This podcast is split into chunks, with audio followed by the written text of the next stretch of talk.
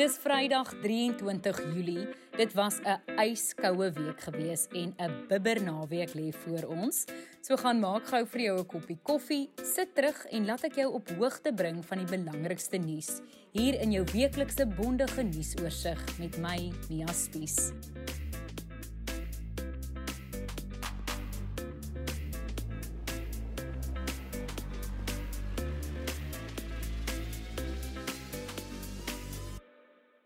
Hoofnuus die week is dat die dodetal na verlede week se onluste tot meer as 300 gestyg het.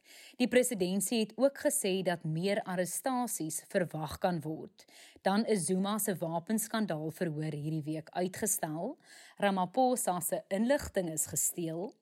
Dan is dit weer oorlog tussen taksi-verenigings op die Kaapse paaie.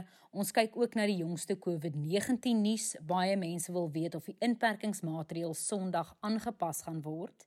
En dan is daai foto's en video's wat jy op sosiale media sien, nie die Alpe nie, dis ons eie winterwonderwêreld hier in Suid-Afrika.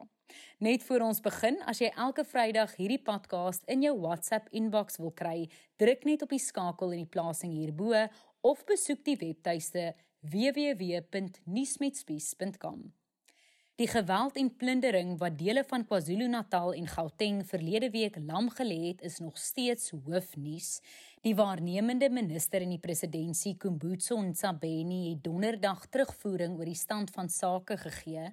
Sy sê die dodetal tydens die gewelddadige plundertogte staan op 337.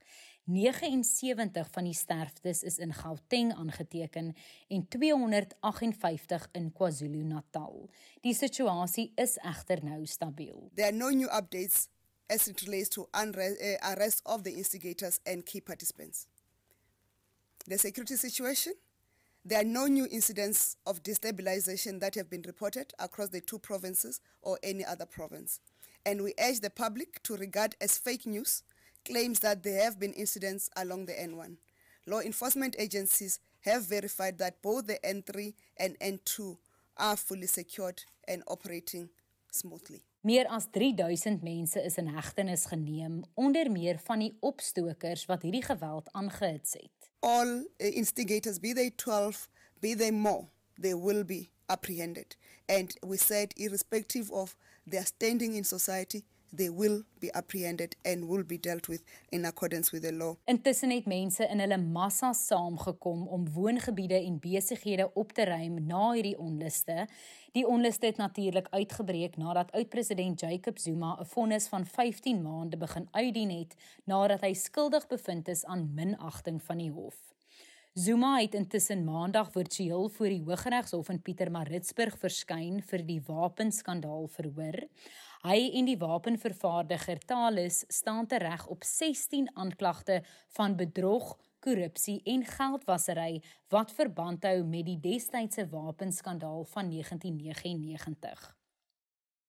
Sy aansoek dat die verhoor vereers uitgestel moet word omdat hy nie tronk is, is die regter Piet Koen goedgekeur. I shall revert then on the extent of any revision or revocation of my previous directive by the 4th of August 2021. Intussen het Zuma hierdie week tydelik die tronk verlaat nadat hy toestemming gekry het om sy broer se begrafnis by te woon. He was accompanied by correctional officers supported by law enforcement agencies and we are to confirm that he has returned back to the escort uh, correctional facility. Nou na ons huidige president Cyril Ramaphosa wat een van 14 staatshoofde is wie se selfoonnommer op 'n uitgelekte lys verskyn het van mense op wie daar gespioneer is.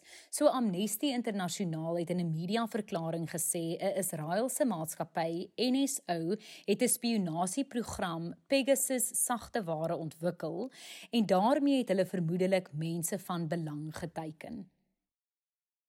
Nou na die voortsleepende taksi-oorlog in die Wes-Kaap wat hierdie week nog lewens geëis het, ondanks die gekoördineerde ingryping deur alle vlakke van die regering. Meer as 20 mense is sedert die begin van die maand in taksi-verwante geweld tussen stryende taksi-verenigings in die Wes-Kaap dood. Ander vervoerdienste word ook nou geteiken. Hierdie week is 'n busbestuurder van die Golden Arrow busdiens op die N2 in die gesig geskiet. Premier Ellen Wendy het gesê in 'n poging om weer wet en orde in die openbare vervoerbedryf te herstel, is die weermag se hulp ingeroep. Hierdie week het ons uh, het ons 'n taxi bedryf uh, oorlog wat aan die gang is. Dit is totaal onaanvaarbaar. Ons uh, ons mense is onveilig, ons uh, publieke vervoerstelsel is onder druk.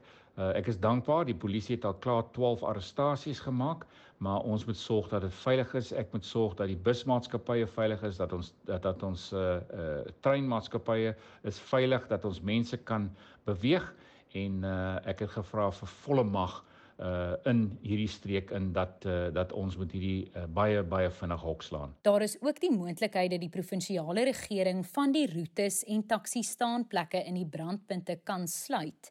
Die minister van vervoer, Fikile Mbalula, het gesê hulle ondersteun die provinsie se pogings om 'n einde aan hierdie geweld te bring. In the event a decision is arrived at uh, for the provincial minister to implement some or all of the extraordinary measures outlined in the notice, this will be enforced without fear or favor. The province has our full support in this regard.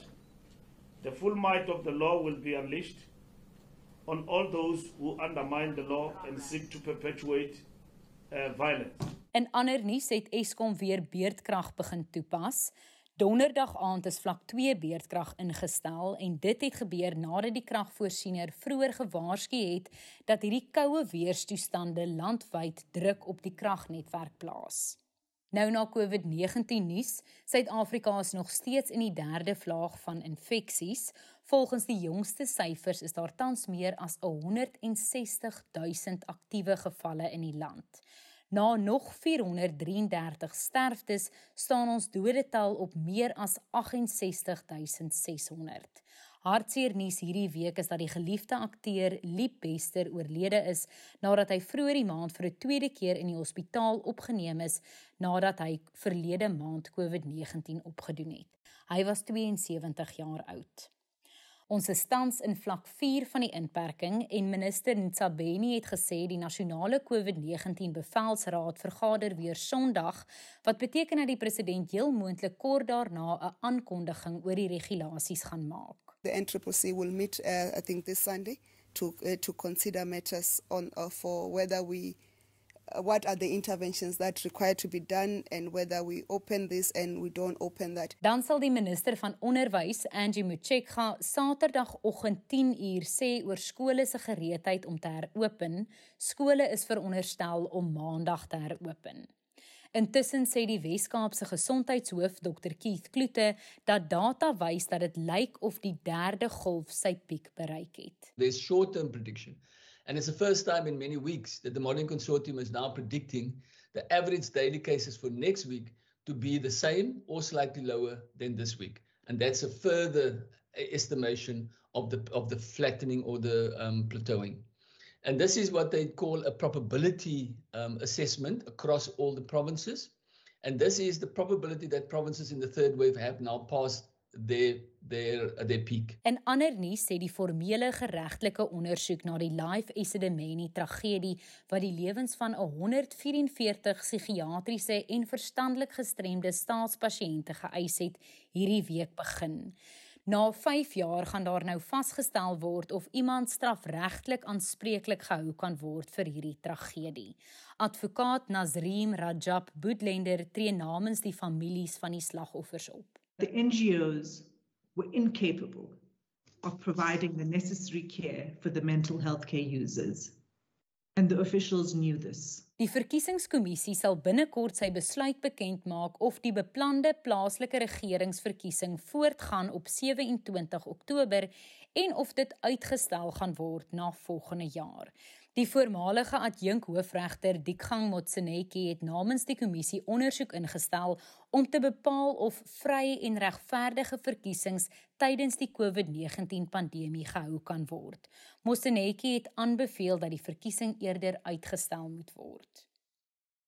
Dan kort in ekonomiese nuus, die president van die Reserwebank, Lesetja Kenyago, het aangekondig dat die repo koers onveranderd op 3,5% bly. Better anchored expectations of future inflation could keep interest rates lower for longer. Dan kort in buitelandse nuus, die dodetal na die oorstromings in dele van Europa het tot meer as 200 gestyg. Lande soos Duitsland en België is hierdeur geraak en dit is deur die Duitse kanselier Angela Merkel as vreesaanjaend beskryf. Dan was daar ook oorstromings in China gewees hierdie week. Meer as 30 mense is dood en duisende mense moes hulle huise ontruim. Terug hier op eie bodem bly ons by die weer en dit is omdat sneeu in verskeie provinsies geval het. Die mooiste foto's en video's word op sosiale media gedeel. Jy kan ook self gaan kyk op Snow Reports SA se sosiale media blaaie. Hierdie video is deur die ene Shaal ingestuur van die Vrystaat. Hallo julle. Hallo dames en here, dis goeie mense. Dis lekker sneeu hier so in Edinburgh. Nou dat jy op datum is, is jy reg om hierdie yskoue naweek te gaan aanpak. Nuus met Spies is 'n produksie in samewerking met die Potgooi Produksiehuis Volume. Ons vervaardigers is Roland Perolt en Andy Siwe May en ons kenwysie is deur Curtis Kahl gekomponeer. Ons gesels dan weer volgende Vrydag. Bly warm en bly veilig.